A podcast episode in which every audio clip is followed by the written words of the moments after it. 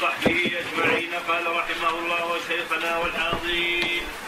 قال فإذا استمر بها أي المستحاضة الدم في الشهر الآخر فلم ينقطع فيما بين انتهاء وقت العادة في الشهر الأول ووقتها في الشهر الذي يليه فإن كانت معتادة والمعتادة هي التي يأتيها الحيض في أيام معينة من الشهر لا يتقدم عنها ولا يتأخر فحيضها أيام عدتها التي يأتيها الحيض فيها فإذا كانت عادتها سبعة أيام مثلا وكانت تأتيها مثلا من فجر اليوم الخامس من الشهر إلى فجر اليوم الثاني عشر من نفس الشهر واستمر معها الدم فإنها تجلس من فجر اليوم الخامس من كل شهر فيه من كل شهر هي مستحاضة فيه. لا تصوم ولا تصلي إلى فجر اليوم الثاني عشر. لأن هذه هي أيام حيضها ثم تغتسل في فجر الثاني عشر وتصوم وتصلي. وتتوضأ لكل صلاة وتتوضأ لوقت كل صلاة والدليل على هذا الحكم. قوله تعالى ولا تقربوا ولا تقربوهن حتى يطهرن فإذا تطهرن الآية. وحديث عائشة السابق. قال رحمه الله وإن لم تكن معتادة وكان لها تمييز وهو أن يكون وهو أن يكون بعض دمها أسود ثقيل. وهو دم الحيض وعادة وعادة عندك ثخين هكذا؟ ثخينة اي ثخينة صح. عفى الله عنك. وهو أن يكون بعض دمها أسود ثخينا وهو دم الحيض. وعادة تكون لها رائحة وعادة تكون له رائحة. رائحة كريهة وبعضه رقيقا أحمر فحيضها زمن الأسود ثخين يعني المرأة إما أن تكون مميزة وإما أن تكون معتادة وإما أن يكون ليس لها تمييز ولا عادة. إذا كانت مميزة ومعتادة فهذا واضح.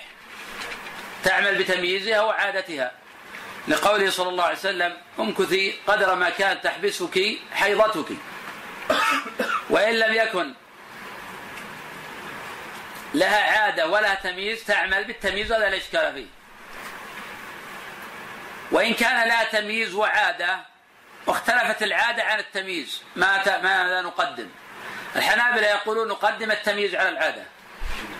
والشافعية يقول نقدم العادة على التمييز. وهذا ظاهر النص. امكثي قدر ما كانت تحبسك حيضتك. إذا هنا نقدم العادة. وإذا لم يكن لها عادة ولا تمييز فإن المرأة تمكث عادة غالب نساء أهل بيتها من عمة وخالة وأخت وأم ونحو ذلك. واستعان بالطب الحاضر على تمييز دم الحيض. فإن الطب في هذا العصر متقدم والأطباء يميزون. يقدم قولهم على قول غيرهم. اختيار الطبيبة للمرأة بأن هذا حيض أولى من اجتهاد المرأة المجرد الذي لم يبنى على دليل. لأن هؤلاء أصحاب معرفة وخبرة. فلذلك حين اكتشفوا بأن الحامل لا تحيض وأن الدم الخارج من حامل فاسد قلنا بأن هذا مرجح بأن هذا مرجح لقول الإمام أحمد بأن الحامل لا تحيض خلافا لقول ابن تيمية وابن القيم بأن الحامل قد تحيض. ويؤيد قول الإمام أحمد أن النبي صلى الله عليه وسلم قال في المستحاضة في السبي ولا توطى غير ذات حمل حتى تستبرأ بحيضة. علم أن الحامل ما تحيض. ولو كانت تحيض لكان لا ندري هل هي حامل أو غير حامل. وكيف نستبرئها بحيض وقد تكون حاملا. فعلم أن الحامل ما تحيض. وهذا يؤيد ما اكتشفه الطب المعاصر. نعم. عفى الله عنك. هذه هي المميزة وهي التي تميز تميز دم الحيض من دم من دم الاستحاضة. فحكمها كما ذكر المؤلف أن أيام حيضها هي الأيام التي تكون صفة الدم فيها على صفة دم الحيض. فتجلس هذه الأيام لا تصوم ولا تصلي عملا بهذا التمييز. وذهب بعض أهل العلم إلى أن التمييز يقدم على العادة لأن التمييز أمر محسوس ودلالة الحس. أقوى في هذا الموضع فتقدم على العادة وهذا هو الأقرب. هذا الأقرب لو كان الحديث الآخر صحيحا أن دم الحيض دم أسود يعرف. لكن هذا خبر معلول. تقدم بيان علته أنه لا يصح. لو كان يصح لقلنا به. قدمنا الحديث الآخر لأنه صحيح ولم نأخذ بهذا الحديث لأنه ضعيف. ولكن قد يستدل لهذا القول بقول الله جل وعلا ويسألونك عن المحيض قل هو أذى. والأذى الذي تعرفه المرأة. دم الحيض له أعراض وله صفات وله لون وله رائحة. والنساء تعرفه نعم.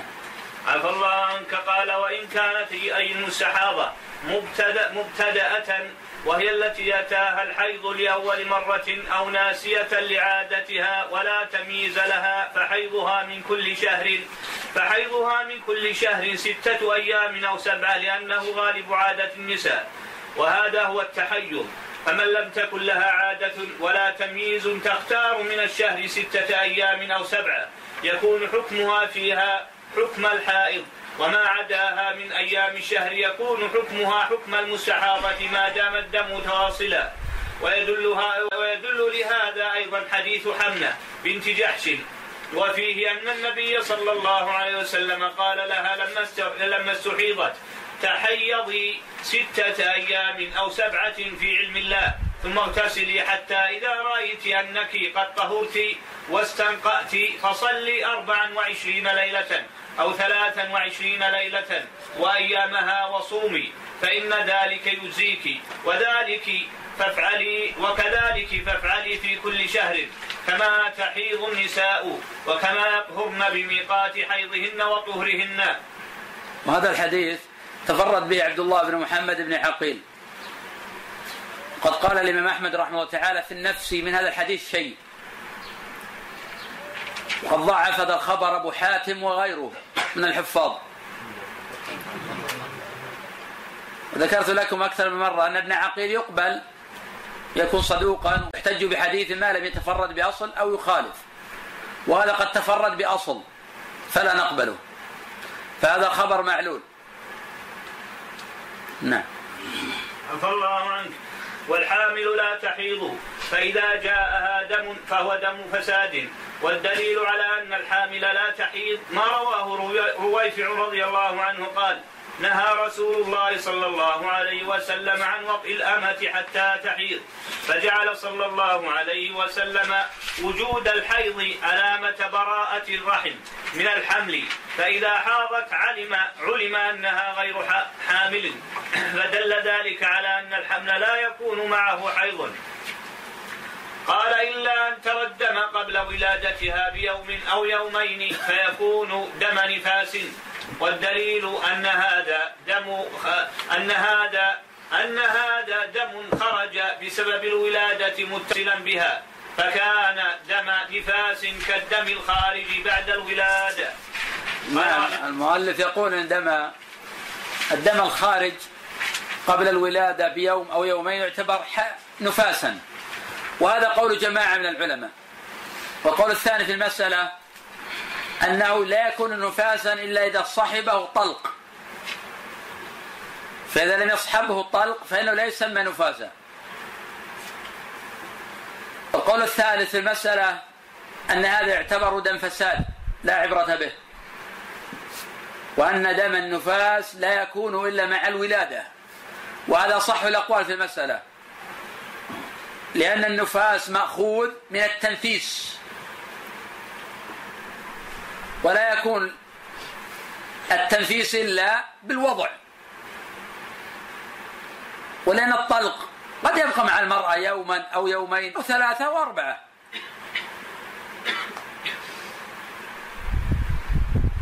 ولا يجوز ترك حينئذ الصلاة إلا بدليل. وهذا الدم ليس دم نفاس. نعم. عفى الله قال رحمه الله باب النفاس. وهو الدم الخارج بسبب الولادة وحكمه حكم الحيض فيما يحل ويحرم ويجب ويسقط. على ما سبق تفصيله في الباب السابق وهذا مجمع عليه. قال وأكثره أربعون يوما فتغتسل بعدها وتعتبر طاهرا. وإن استمر خروج الدم بعد الأربعين فهو استحاضة. والدليل ما روي عن أم سلمة رضي الله عنها قالت كانت كانت النفساء تجلس على عهد رسول الله صلى الله عليه وسلم أربعين يوما ولا حد لأقله. حديث أم سلمة. كانت النفساء تجلس على عهد رسول الله صلى الله عليه وسلم أربعين يوما هذا معلول بعلتين. العلة الأولى أن مس الأزدية التي قد روته عن أم سلمة مجهولة. العلة الثانية أنه لا يقبل تفرد مس الأزدية به. وقد صح نحو هذا موقوفا على ابن عباس. رواه عنه الإمام الدارمي وابن الجارود في المنتقى. فأقصى مدة للنفاس أربعون يوما. وإذا رأت الطهر قبل ذلك وجب عليها الاغتسال والصلاة وأداء العبادات الواجبة. نعم. عفى الله عنك. قال ولا حد لأقله لأن النفاس إنما يكون بوجود الدم فإذا ولدت المرأة ولم ينزل دم فلا نفاس. نعم لو ولدت المرأة ولم يخرج دم وجبت عليها الصلاة والصيام وغير ذلك ولا تسمى نفسا إنما تسمى نفسا إذا صحبها دم. والدم لا بد يقارن الولادة. ما لم يصادف عادة كما قلنا قبل قليل بعد الأربعين أيضا. بمعنى لو ولدت المرأة بلا دم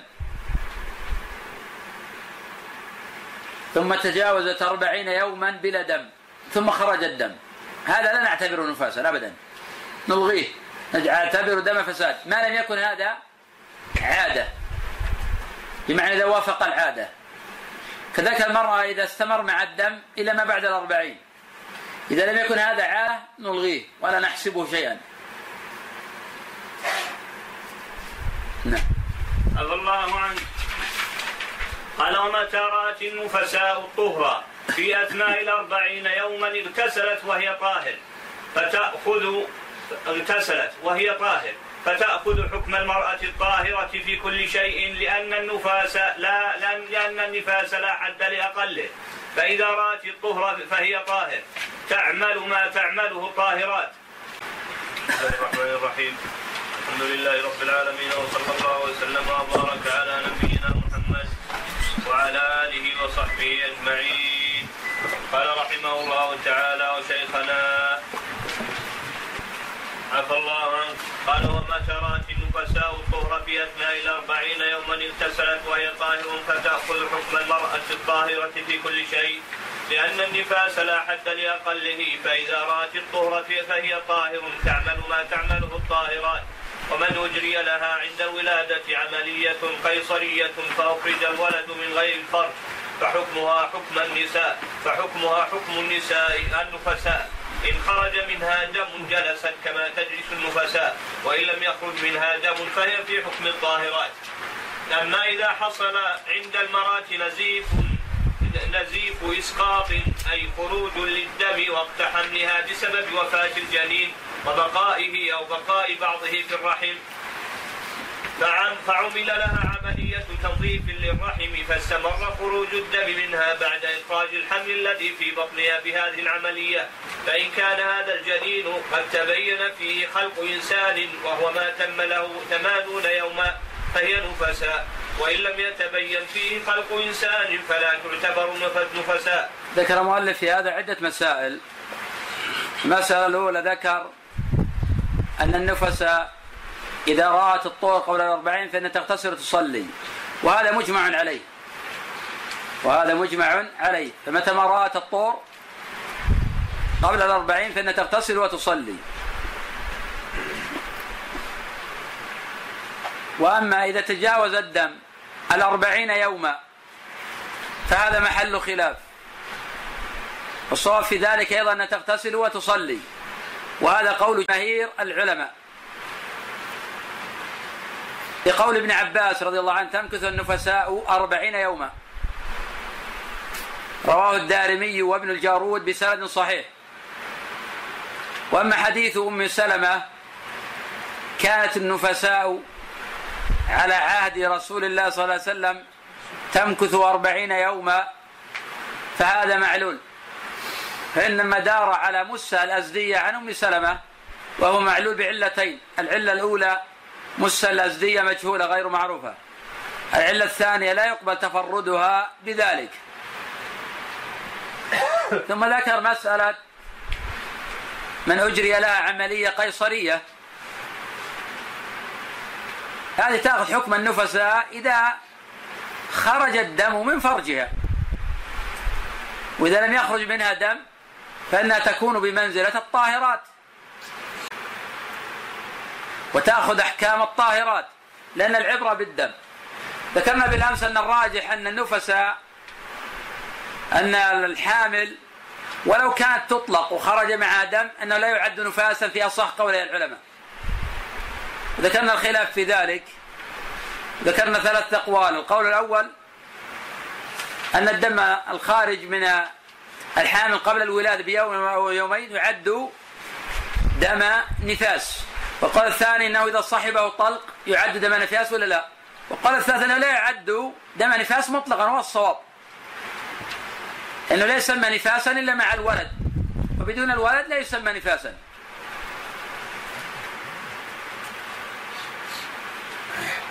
ثم ذكر مؤلف المسألة الثالثة وهي المتعلقة بالسقط. ذكر أنه إذا بلغ ثمانين يوما كانت المرأة نفسا. وهذا اجتهاد من المؤلف لا دليل عليه. الصواب لا نعد لا نعد المرأة نفسا إلا إذا سقط ما نفخ فيه الروح. هذا اللي يسمى ولدا. أما ما لا يسمى ولدا ولو تخلق ولم ينفخ فيه الروح فلا نعتبره شيئا نعتبر قطعة لحم. ولا ينفخ فيها الروح إلا بعد مئة وعشرين يوما. وهذا هو الذي صلى عليه السقط صلى عليه. طبعا استحبابا لا إيجابا. وهو الذي نعتبر النفس ويتعلق بأحكام مهمة. كمسألة الخروج من العدة. بمعنى لو توفي الرجل وامرأته حامل إذا أسقطت في الأربعين الأولى فلا شيء. حينئذ نوجب عليها العدة وهي أربعة أشهر وعشرة أيام. وعلى قول المؤلف إذا وضعت في الثمانين تكون قد خرجت من العدة.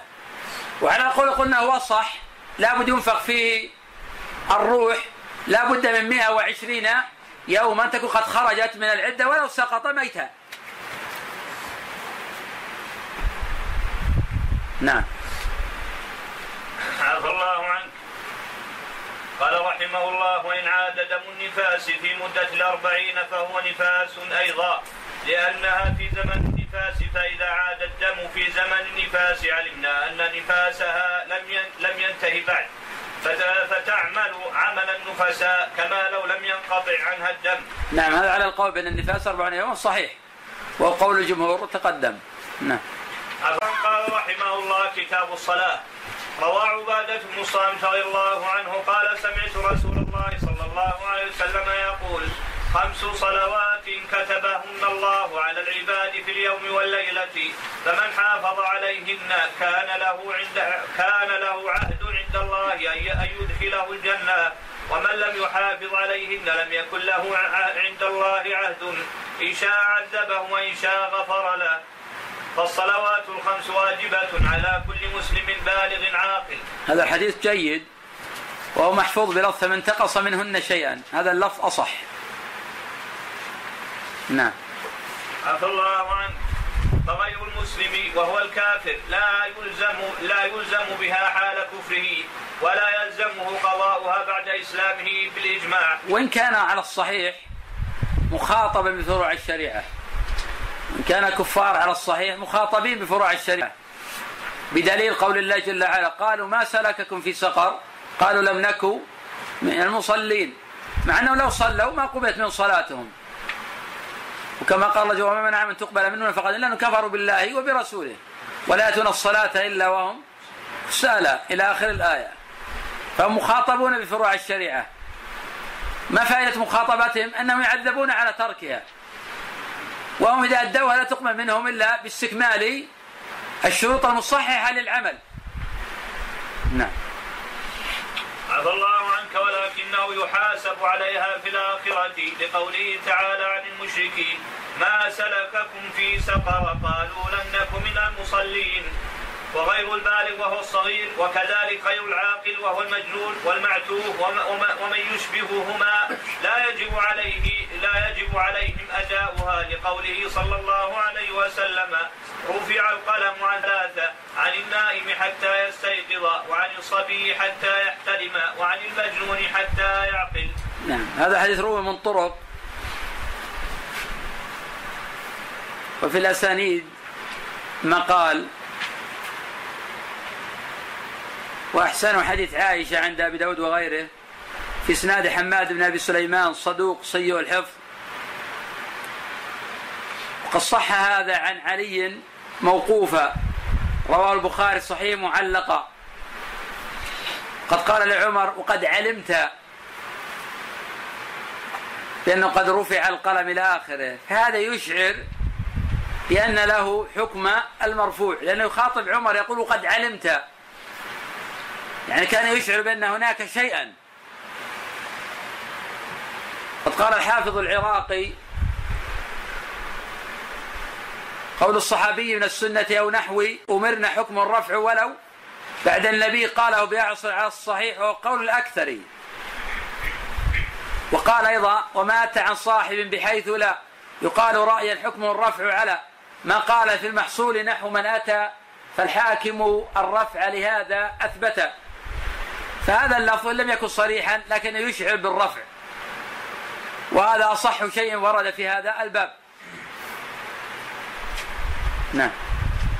عفى الله عنك قال ولا يجب عليهم قضاؤها بعد ذلك بالإجماع لكن يستحب أمر الصغير بها إذا بلغ سبعا ويجب على وليه إجباره على أدائها إذا بلغ عشرا. ليتعود عليها لقوله صلى الله عليه وسلم مروا أبناءكم بالصلاة لسبع سنين واضربوهم عليها لعشر. أما المغمى عليه فلا يجب عليه قضاء ما فاته من الصلوات وقت الإغماء على الصحيح قياسا على المجنون لأن كل منهما فاقد لعقله فقدا كاملا. ومثله من استعمل دواء يزيل العقل للحاجة كالبنج عند إجراء عملية جراحية ونحو ذلك.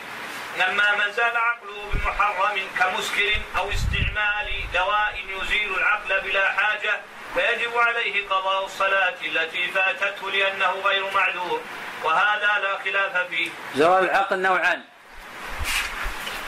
النوع الأول أن يزول عقله بفعله. أن يزول عقله بفعله. كشرب شيء مسكر ونحو ذلك. فهذا يقضي ما فاته اتفاقا. فهذا يقضي ما فاته اتفاقا. الأمر الثاني أن يزول عقله بفعل الله لا بفعله. كرجل أغمي عليه. ثم أفاق بعد يوم أو يومين أو ثلاثة أيام فهذا في خلاف وعلى مذاهب. المذهب الأول أنه يقضي مطلقا وأنه لا يختلف ما كان بفعله وما كان بفعل الله. المذهب الثاني أنه كان من ثلاثة أيام فما دون يقضي وإلا فلا يقضي. المذهب الثالث أنه لا يقضي إلا الصلاة التي أفاق في وقتها.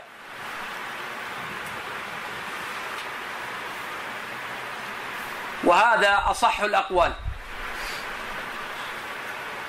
وما عدا ذلك يسقط عنه.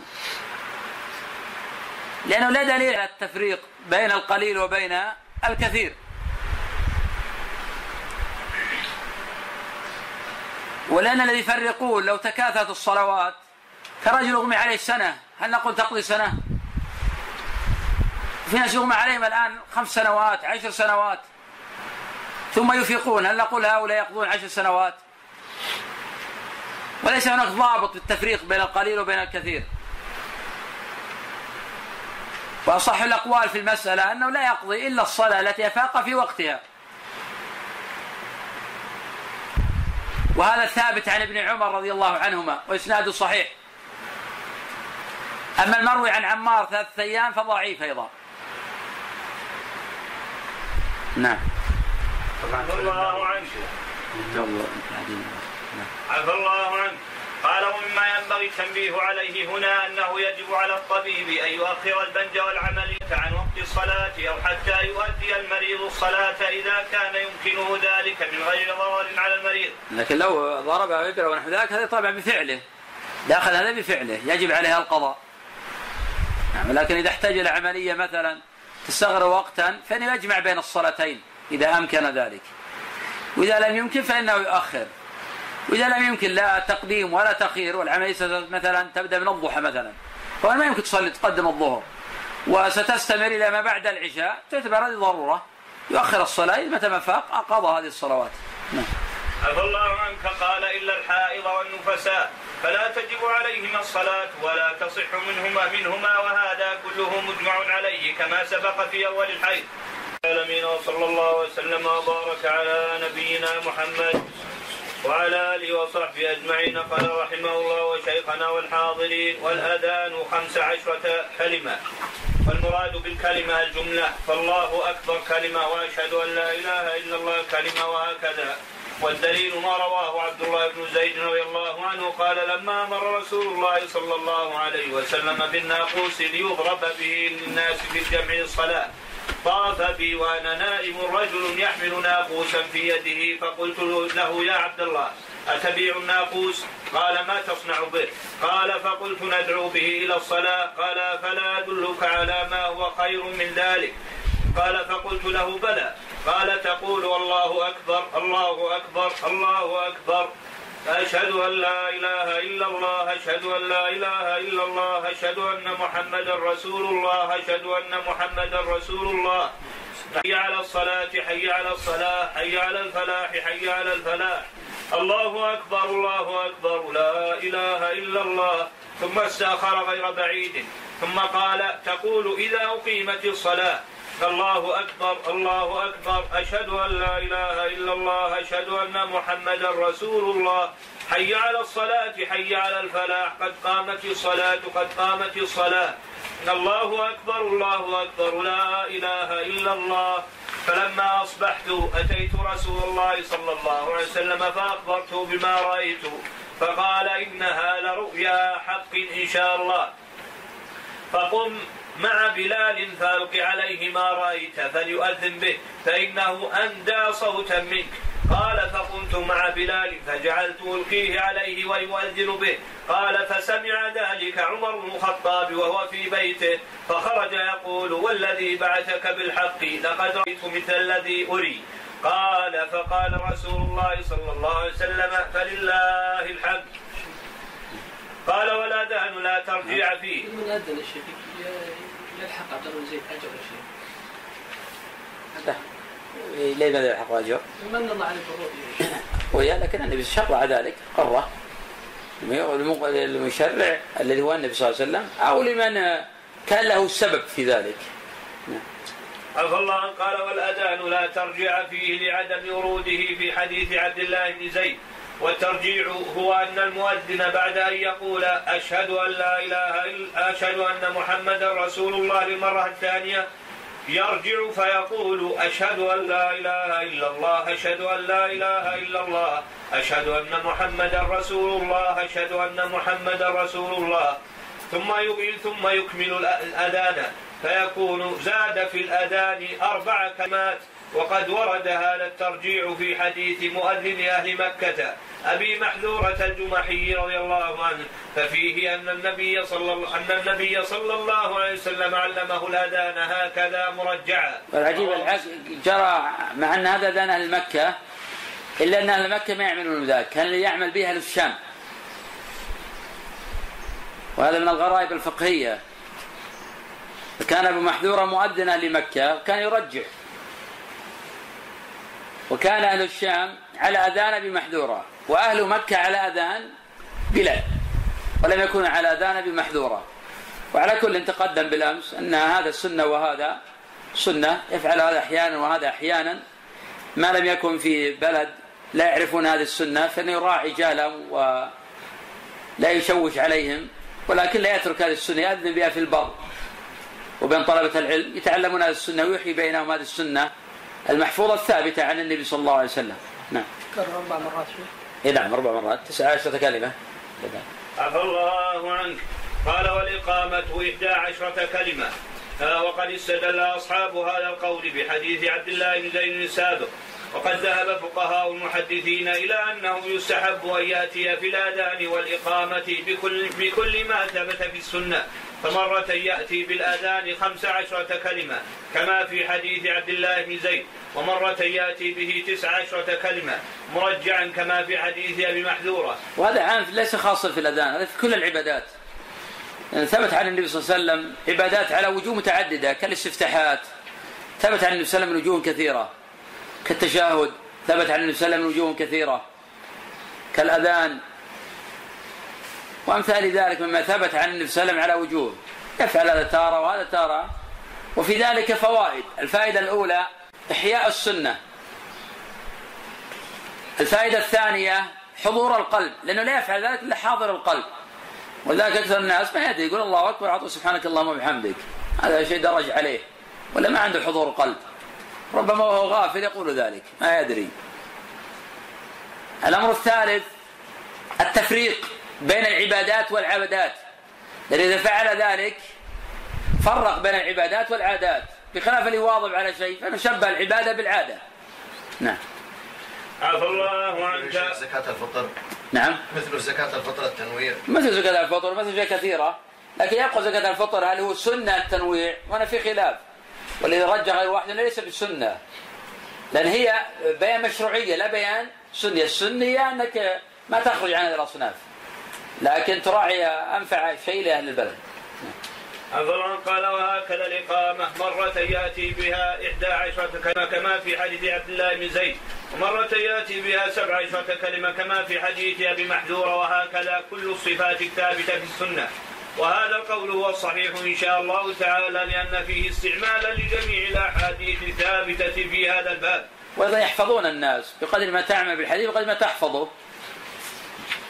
ولذلك يقول الشعبي رحمه الله تعالى كنا نستعين بحفظ الحديث نستعين بحفظ على حفظ الحديث بالعمل به. الإنسان إذا عمل بالحديث حفظه وضبطه. لكن ربما بعض الناس قد تسأل هو طالب علم؟ عن صفة التشهد ما يحفظ إلا واحدة هو طالب علم. لماذا؟ لأنه ما ما يعمل.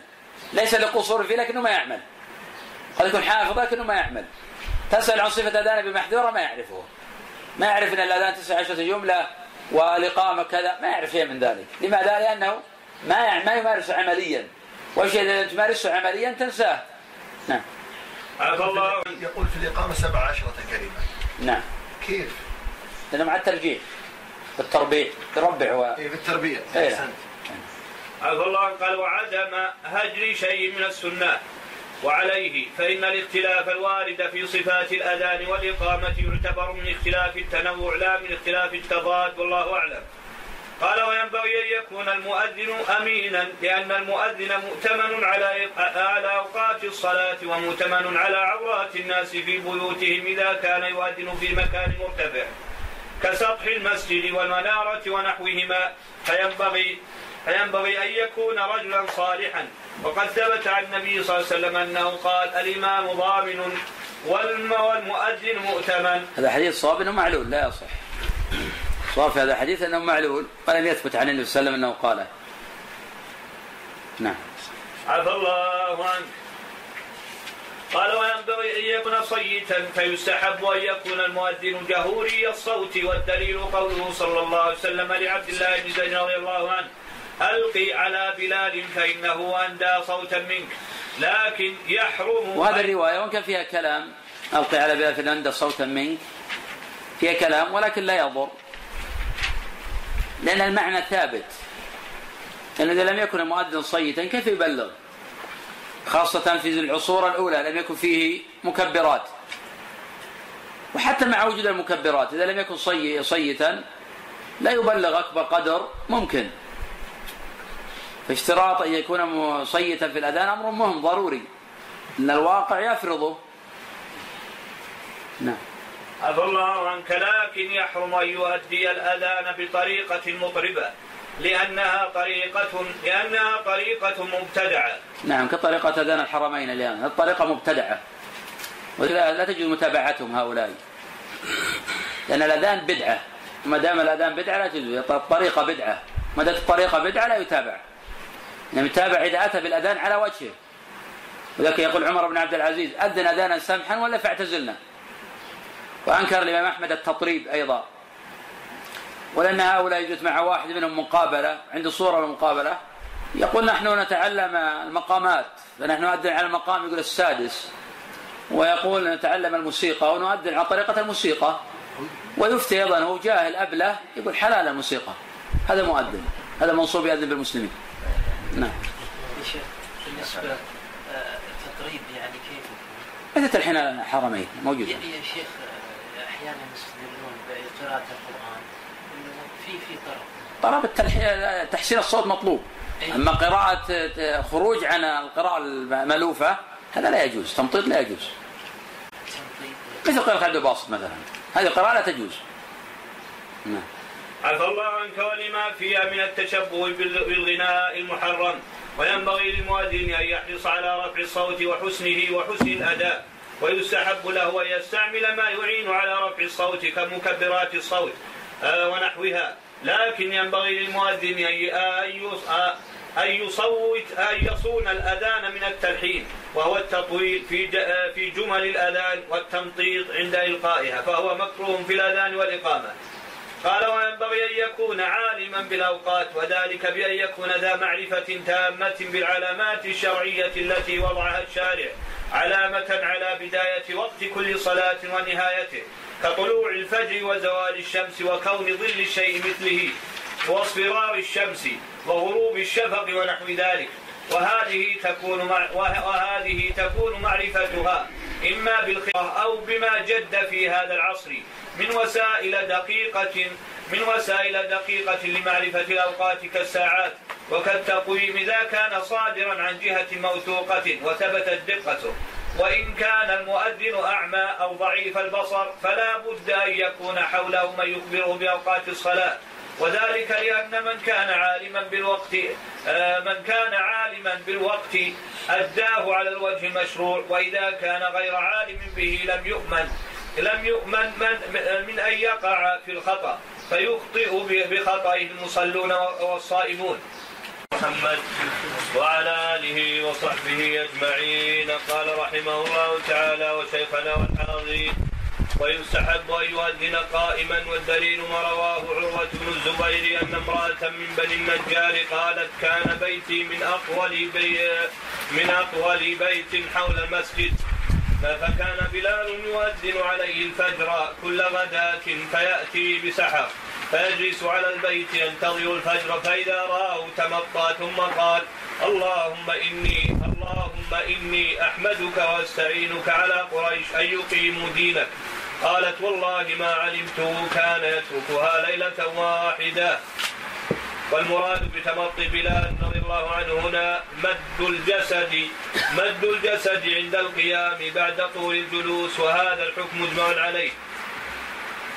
قال رحمه الله ويستحب أن يكون المؤذن متطهرا حال الأذان وحال الإقامة لأنهما ذكر والذكر تستحب له الطهارة لما ثبت عن عن المهاجر بن قنفذ رضي الله عنه أنه سلم على رسول الله صلى الله عليه وسلم ويتوضأ فلم يرد عليه حتى توضأ فلما توضأ رد عليه السلام ثم اعتذر إليه فقال إني كرهت أن أذكر الله تعالى إلا على طهر.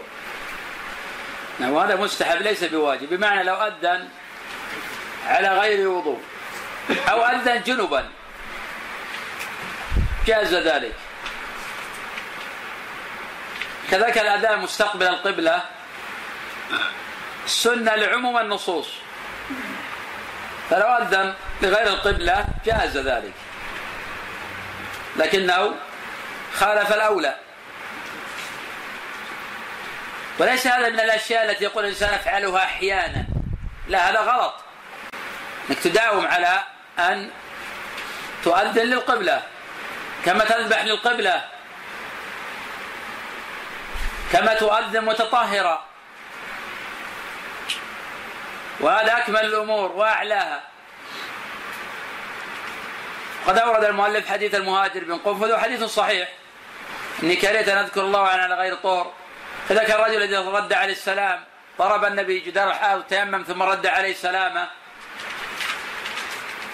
وحديث ابن عمر. نعم. عفى الله عنك. حديث عروة نعم. حديث عروة السابق المرأة بن النجار هذا لو جاء من طريق جيد في المسند من طريق محمد بن إسحاق. أن بلالا كان يصعد أعلى بيت لامرأة بني النجار يؤذن عليه. وهذا حديث جيد رواه ابن إسحاق في السيرة. نعم. قائم نعم. قائم. سنة. يؤذن جالسا أجزاء لكن السنة يؤذن قائما. قال الله قال ويستحب أن يقف على موضع عال والدليل حديث عروة عن امراه من بني النجار السابق. قال ويستحب أن يؤذن مستقبل القبلة وهذا مجمع عليه. فإذا بلغ المؤذن الحي على وهي جملة حي على الصلاة التفت يمينا والتفت شمالا عند قوله حي على على الفلاح. ويكرر الالتفات عند كل حي على. وهذا الالتفات يكون برقبته ولا يزيل قدميه. عن مكانهما عند التفاته لما روى أبو جحيفة رضي الله عنه قال أذن بلال قال فجعلت أتتبع فاه ها هنا وها هنا يقول يمينا وشمالا يقول حي على الصلاة حي على الفلاح رواه البخاري ومسلم. وهذا الالتفات خاص بالأذان دون الإقامة. وهو خاص أيضا بمن يفيد بمن يفيد هذا الالتفات في انتشار صوته. أما إن كان لا يفيد في انتشار صوته كمن يؤذن داخل المسجد أو في مكبر الصوت ونحو ذلك مما لا يستفاد فيه من الالتفات فلا يشرع الالتفات والله أعلم. هذا في نظر هذا. لأنه ربط التعليل بالالتفات للإسماع. وهذا لم يدل عليه دليل. ولو كان هذا هو الدليل على زعمه لكان الإنسان يلتفت خلفه أيضا. لماذا يلتفت يمين وشمال؟ لماذا ما تلتفت خلفه؟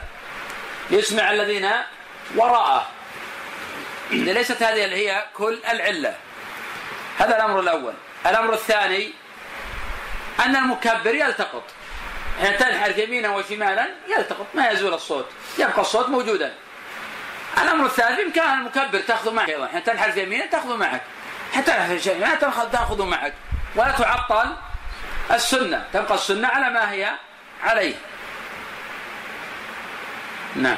عفى الله عنك قال ويجعل أصبعيه في أذنيه. بعد الدرس الاسم ويجعل أصبعيه في أذنيه لما روى أبو جحيفة رضي الله عنه. قال رأيت بلالا يؤذن فجعلت أتتبع فاه ها هنا وها هنا وإصبعاه في أذنيه. لكن الحديث هذا معلول. جاء عند الترمذي صححه ومن رواية عبد الرزاق عن الثوري.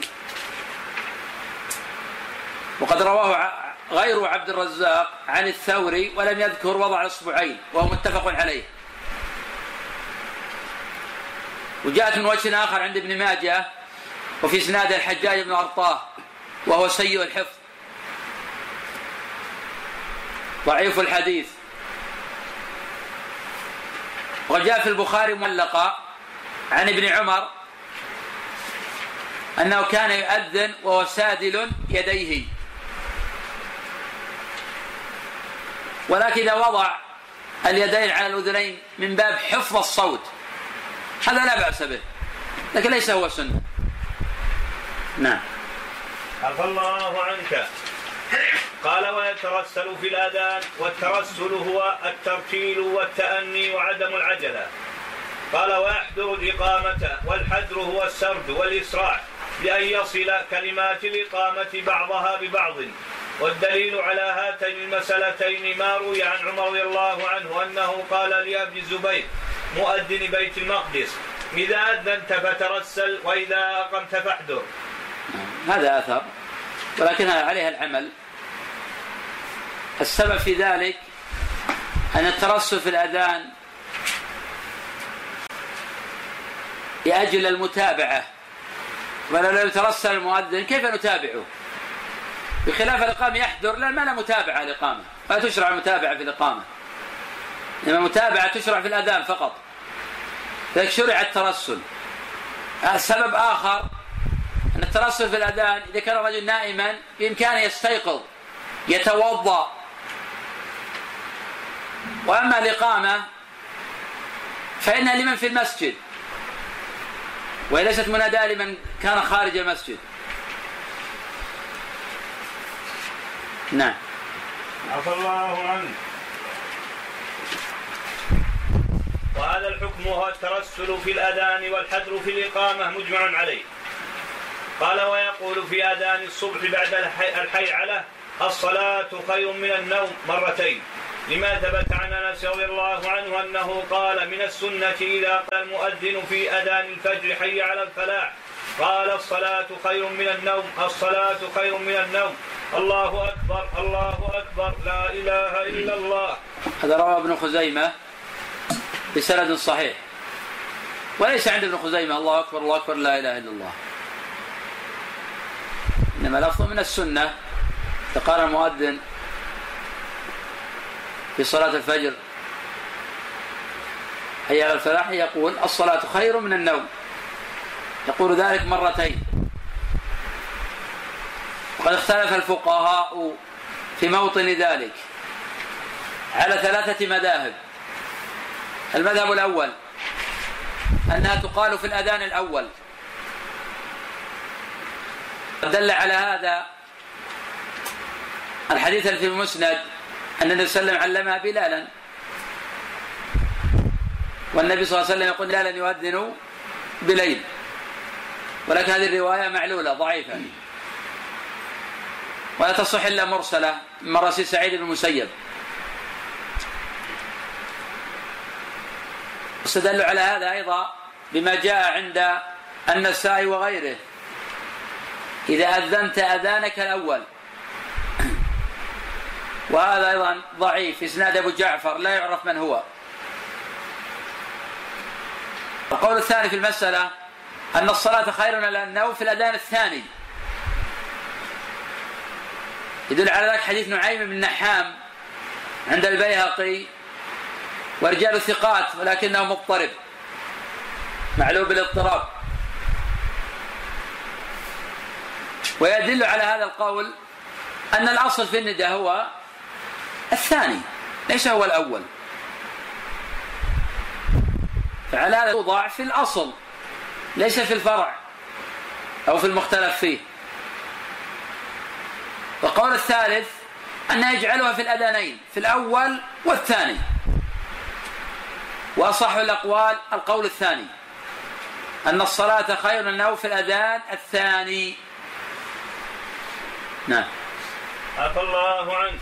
قال ولا يؤذن قبل الوقت إلا لها أي لا يؤذن لأي صلاة من الصلوات الخمس إلا بعد دخول وقتها سوى الفجر.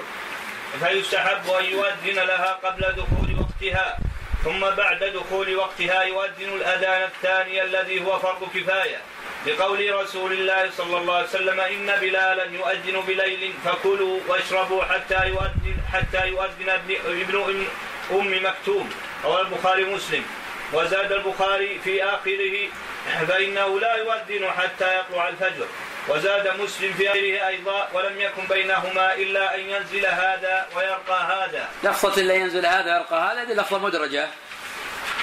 من كلام القاسم. ليست من كلام النبي صلى الله عليه وسلم ولا من كلام الصحابي. ولا يبنى عليها حكم. وقوله في المسألة إلا في الفجر يأذن قبل الوقت. حقيقة أن بعض الفقهاء يرى حتى الأذان الثاني قبل الوقت وهذا غلط. والناس يعملون به في الحقيقة في نجد ظلوا فترة طويلة يعملون بهذا القول. يأذنون الفجر قبل الوقت بناء على هذا المذهب. وهذا المذهب ضعيف. إنما في أذان أول وأذان ثاني. الأذان الثاني لا يصح إلا بعد دخول الوقت. وإذا أذن قبل الوقت فلا أصل له ولا يجزئه. والأذان الأول إن أذن ولا ليس بلازم. المعتمد على الأذان الثاني الذي هو فرض كفاية. وأما الأذان الأول ليس بفرض كفاية إنما هو السنة الأذان الأول سنة وأيضا مختلف في هذه السنة لم يتفق العلماء عليها. أما الأذان الثاني هذا فرض كفاية. وذلك لو اتفق أهل البلد على ترك الأذان وجب قتالهم عليه. والنبي صلى الله عليه وسلم حين سمع الأذان أمسك عن الإغارة علامة على إسلام وإقامة لشعائر الله. ولو لم يسمع أذانا أذانا لقاتلهم على معنى أنهم غير مسلمين. إذا الأذان من شعائر أهل الإسلام الظاهرة. نعم. عفى الله قال ويستحب لمن سمع المؤذن أن يقول كما يقول لقول رسول الله صلى الله عليه وسلم إذا سمعتم النداء فقولوا مثل ما يقول. فإذا أتى المؤذن بجملة من جمل الآذان قال المستمع مثله ويستثنى من ذلك الحي على فيقول المستمع لا حول ولا قوة إلا بالله لثبوت ذلك عن النبي صلى الله عليه وسلم. ويستحب للمستمع بعد انتهاء الأذان أن يصلي على النبي صلى الله عليه وسلم لما رواه مسلم عنه عليه الصلاة والسلام أنه قال إذا سمعتم الأذان فقولوا مثل ما يقول ثم صلوا علي. ثم يقول ما رواه البخاري عن النبي صلى الله عليه وسلم أنه قال من قال حين يسمع الأذان اللهم رب هذه الدعوة التامة والصلاة القائمة. آت محمدا الوسيلة والفضيلة وابعثه مقاما محمودا الذي وعدته. حلت له شفاعتي يوم القيامة ويستحب أن يقول المستمع للمؤذن بعد متابعته له في الشهادتين ما رواه سعد بن أبي وقاص عن رسول الله. صلى الله عليه وسلم أنه قال من قال حين يسمع المؤذن أشهد أن لا إله إلا الله وحده لا شريك له وأن محمدا عبده ورسوله رضيت رضيت بالإسلام ربا ورضيت بالله ربا وبمحمد رسولا وبالإسلام دينا غفر له ذنبه رواه مسلم هذا وإذا استمع المسلم إلى الأذان في المذياع فإن كان ينقل على الهواء مباشرة هذا الرواية هذه تشهد للقول بأن هذا في ليس في النهاية إنما قبل النهاية. وهذا من القرائن القوية. أنه يقول رضيت بالله ربا حين يسمع ما يقول لأنه هنا قال إذا سمع المؤذن يقول أشهد أن الله محمدا رسول الله. لم يقل إذا سمع المؤذن يقول لا إله إلا الله. فهذا يدل على أنه يقول رضيت بالله ربا في هذا الموطن. بعكس رواية ابن خزيمة فلا تدل على أن يقول ذلك في النهاية. ولكن رواية مسلم مقدمة. نعم. عفوا قال وهذا إذا استمع المسلم الاذان في المذياع فإن كان ينقل على هواء مباشرة وهو في وقت الصلاة شرعت له متابعته وإجابته.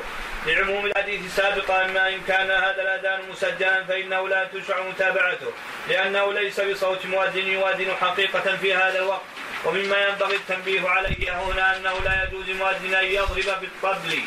ونحوه قبل الأذان كما يفعل بعضهم ولا يشرع أن ينبه الناس في الصوت أو غيره قبل الأذان كقول صلوا أو نحو ذلك وكذلك لا يشرع له أن ينادي بعد الأذان إلى الصلاة إذا أبطأ الناس وهو ما يعرف بالتثويب لأن ذلك كله من المحدثات والأصل في العبادات التوقيف فما لم يفعل فما لم يفعل في عهد النبي صلى الله عليه وسلم ولا في عهد الخلفاء الراشدين من العبادات مع وجود المقتضي وإمكان فعله فلا يجوز فعله بعدهم لأنه من البدع لقوله عليه السلام من أحدث في أمرنا هذا ما ليس منه فهو رد وقد ثبت عن ابن عمر رضي الله عنه أنه لما سمع التتويب في الظهر أو العصر قال لمن معه اخرج بنا فإن هذه بدعة وكذلك لا يشرع المؤذن أن يقول الذكر الوارد بعد الآن في مكبر الصوت لأنه لا يشرع لا يشرع رفع الصوت به بهذا الذكر. ولأن رفع الصوت به أو بغيره من الأدعية كالاستعاذة والبسمة وغيرهما أو بالصلاة على النبي صلى الله عليه وسلم قبل الأذان أو بعدها أو وسطه يجعله كأنه جزء من الأذان.